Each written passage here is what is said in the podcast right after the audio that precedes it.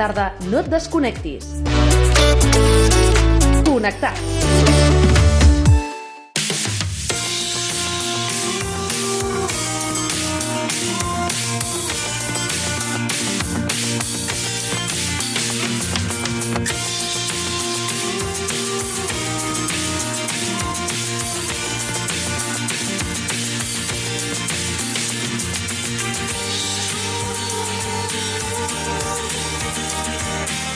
En el món de l'empresa, les noves generacions trenquen la tendència que, amb el canvi d'any o l'inici de curs, augmenti la rotació laboral.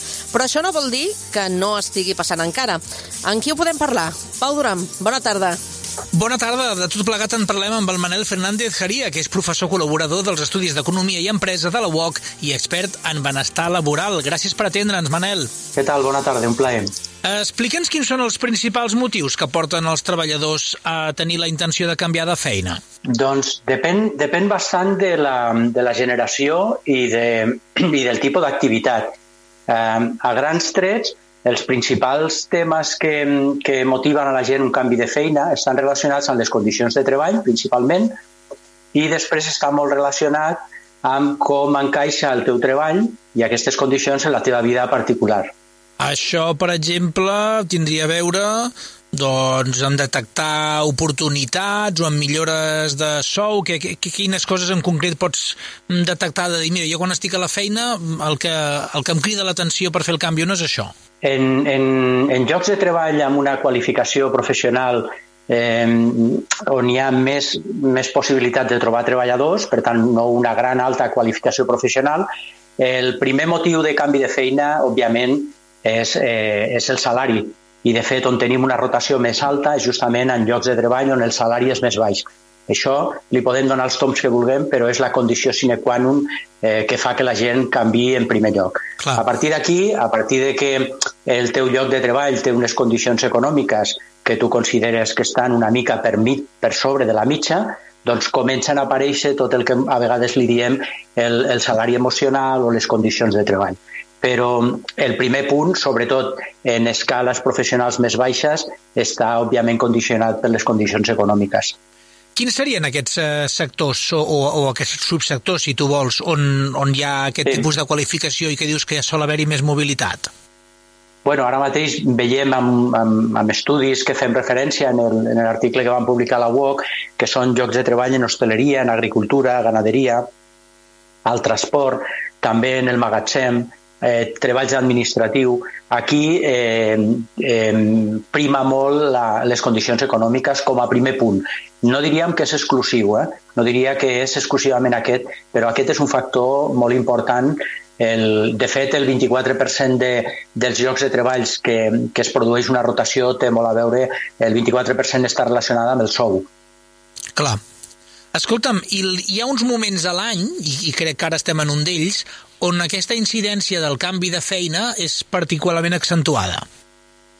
Sí, efectivament, en, en certs moments eh, que són que coincideixen amb el final, inici de l'any, eh, final, inici de vacances, doncs sol ser tradicionalment un moment on la gent es planteja certs canvis, bàsicament perquè es produeix un, un període de reflexió personal, de plantejament de nous objectius i de canvi de prioritats, de, de, de plantejar-se noves oportunitats i sembla ser que aquests dos períodes són períodes en els quals la gent fa una aturada i una introspecció per valorar com està funcionant la seva vida. No obstant això, eh, està canviant perquè sobretot la generació alfa, la generació Z i els millennials, sobretot els últims, eh, eh, no, el canvi no ve condicionat per, una, per un moment eh, temporal, sinó que el canvi se produeix quan apareix una oportunitat perquè aquest tipus de generacions sempre han viscut en la incertesa i, per tant, la incertesa no és un problema tan greu com pot ser,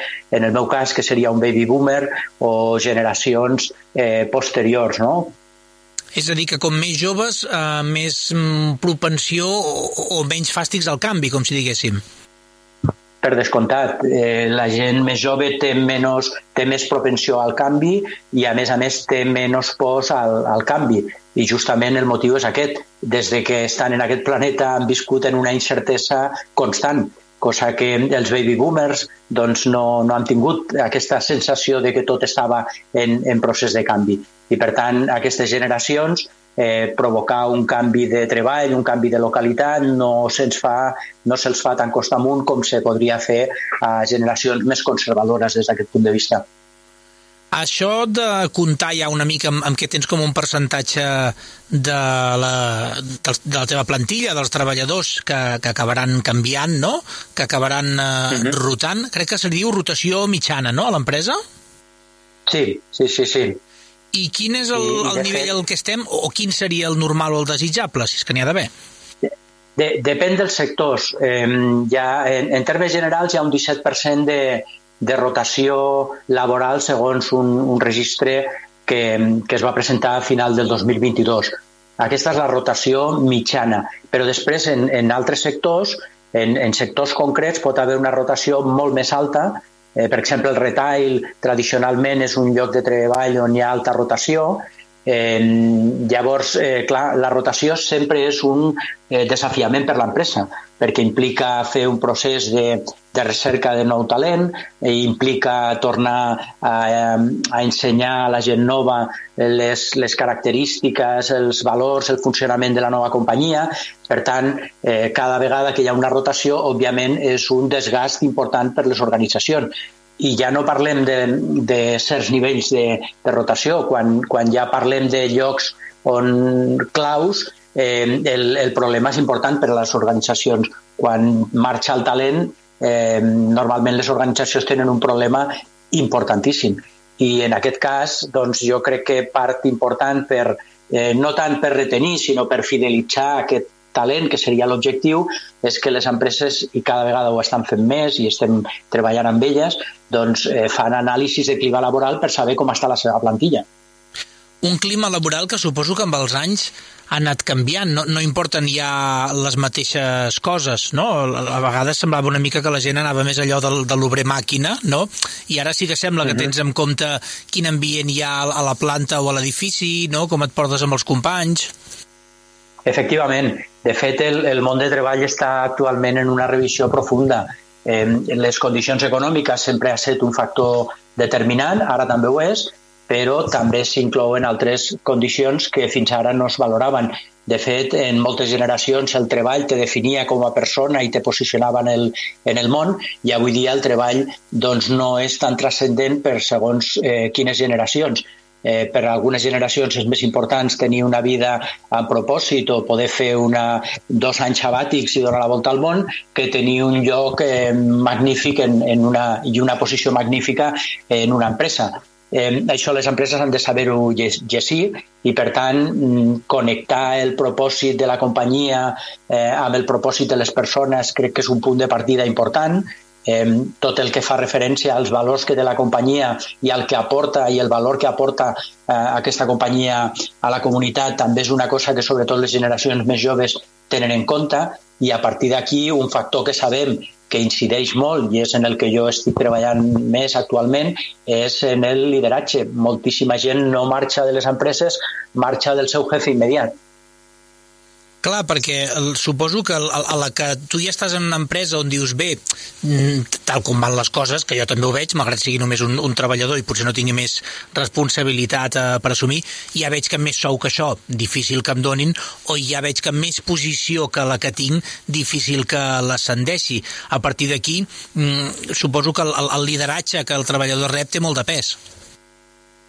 Sí, sí, sí. Eh, no obstant això, mm, quan l'empresa té la possibilitat d'establir una carrera professional i d'alguna manera eh, plantejar diferents horitzons per diferents estils de persones. Hi ha persones que se conformen en la seva posició i no necessiten cap canvi i, i necessiten una seguretat i repetir i repetir el que venen fent habitualment. Però hi ha persones, i les companyies ho han de saber llegir, que poden tenir aspiracions, necessitat de créixer, necessitat de, de seguir progressant i en aquest sentit les empreses també han de tenir i desenvolupar doncs, tot un procés de carrera professional dins de les seves eh, possibilitats. Eh, no oblidem que la major part de les empreses en aquest país són pimes, el, el que no significa que no es pot crear també una, una carrera professional. I l'empresa ha d'estar molt atent a les singularitats de cada una de les persones claus de la seva empresa perquè el dia que et comuniquen que se'n van no és el millor dia per fer un repàs de què és el que no està funcionant bé. Per tant, si les empreses tenen la cultura de preguntar periòdicament, d'avaluar el clima psicosocial, que per altra banda és obligatori legalment en aquest país, doncs probablement, a banda de complir amb la normativa de seguretat i salut laboral, el que estaran fent és millorar el seu entorn perquè tindran una informació molt rellevant de com està aquest client intern perquè en definitiva els treballadors també cada vegada més se perceben com a clients interns de la pròpia, de la pròpia organització. I és obligatori, Manel, comprovar aquest clima? Pues sí, mira, i a més des de l'any 95. Des de l'any 95 existeix... El que passa és que s'ha explicat malament i, i part d'aquesta culpa a vegades la tenim els propis tècnics. Tota la normativa de seguretat laboral s'ha explicat a vegades molt malament. I, de fet, una de les coses que, que a les persones els hi sente fatal és que els eh, convoquin a una formació de riscos laborals i probablement és que s'ha explicat molt malament. Eh, la normativa de seguretat laboral és un canvi de paradigma en les organitzacions eh, i en les empreses. Eh, la responsabilitat eh, passa a ser compartida entre el treballador i l'empresa, tenint l'empresa l'obligació de, de facilitar un entorn de treball de seguretat, però ja no només des del punt de vista físic, eh, sinó també des del punt de vista psicoemocional. I, de fet, hi ha resolucions de, de la inspecció que corroboren aquesta obligació que tenen totes les empreses d'aquest país en tenir un estudi periòdic, inclòs a l'administració, eh? i tenir un estudi periòdic de com són aquestes condicions de treball. Avaluar-les, i no només avaluar-les, sinó intervindre eh, en aquells factors que puguin ser un factor de risc. Clar, perquè el, estàvem comentant al principi el tema del sou, el desenvolupament personal, però a fi de comptes també en això que dius hi ha un, un factor de d'una banda suposo que de motivació i de l'altra de, uh -huh. de tenir una certa realització personal al veure que, que la capacitat creativa eh, es pot desenvolupar, encara que sigui des de la mateixa posició. Efectivament, i, i en això és molt important la cultura que té l'organització, la cultura de l'empresa. És una cultura que potencia doncs, eh, aquest, aquesta capacitat de treballar d'una manera més, més autoorganitzada, doncs eh, si el que està fent l'empresa provoca que els treballadors tinguin eh, aquesta motivació per, per continuar millorant eh, a través dels productes serveis que fan l'empresa, eh, si aquests productes o serveis que fan les empreses tenen un impacte en la societat i a més és un impacte positiu, doncs tot això òbviament està, està contribuint amb aquesta motivació. També sóc de l'opinió de que els treballadors haurien dia de venir motivats una mica de casa seva i, i no esperar que l'empresa fos el motor de la seva motivació exclusivament. L'empresa, en tot cas, el que ha de fer és establir unes condicions de treball perquè aquesta motivació que tu has de portar-la perquè estàs eh, fent allò que tu vols fer, doncs no, no acabi provocant aquesta despersonalització. L'empresa s'ha de preocupar de que tu aquest nivell de motivació el mantinguis. Però, en qualsevol cas, també jo crec que els treballadors han de fer una profunda revisió de quan anem a les nostres empreses a, a què anem i què volem aportar. Per tant, entenc que la consecució lògica d'això que, que dius amb la teva opinió a la que tu veus que l'empresa no trobes la manera de motivar-te, més que buscar-li les raons a l'empresa, potser que facis la reflexió personal de buscar-ne una altra, no?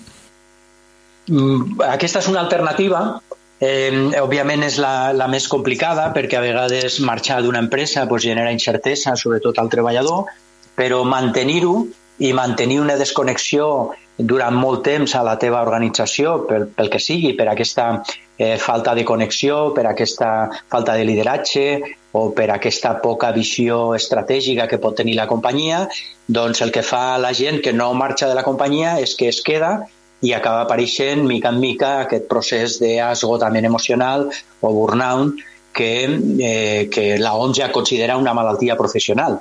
Per tant, eh, quedar-te molt temps en el lloc on no vols estar crec que és una decisió també personalment bastant arriscada. Clar, i segons aquests informes, el que suposo que manegues de la Randstad Research o el projecte sí. Aristoteles, el, les empreses els hi sembla que haurien de baixar més aquesta rotació que estan mantenint o entra dels, dins dels estàndards del que consideren normal? Jo crec que ara eh, és un desafiament per, pels departaments de recursos humans eh, tot el que fa referència a les baixes laborals i a la rotació. Jo crec que són dos punts ara mateix que són reptes importants per totes les organitzacions perquè més aquí hi ha un, un aspecte, o sigui, fa bastants pocs anys, però ja són bastants, parlàvem de que interessa la conciliació familiar, però arran de la pandèmia hem passat a parlar moltíssim del teletreball. Suposo que el teletreball deu ser un dels factors claus que fan decidir ara als treballadors sobre si fer un canvi o no de feina.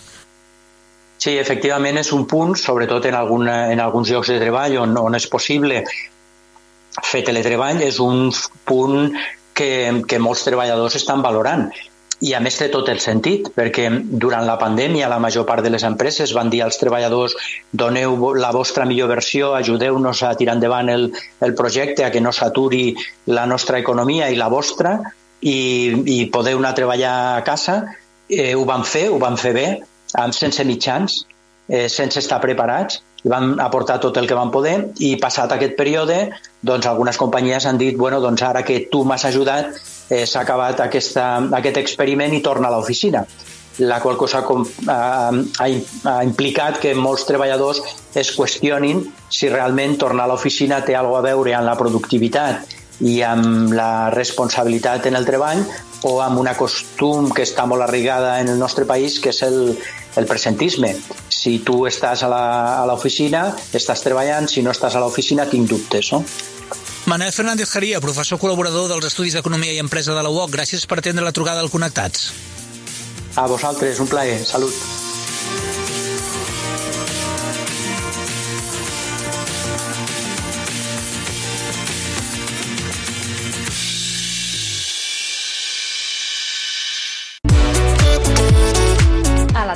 No et desconnectis. Connectats.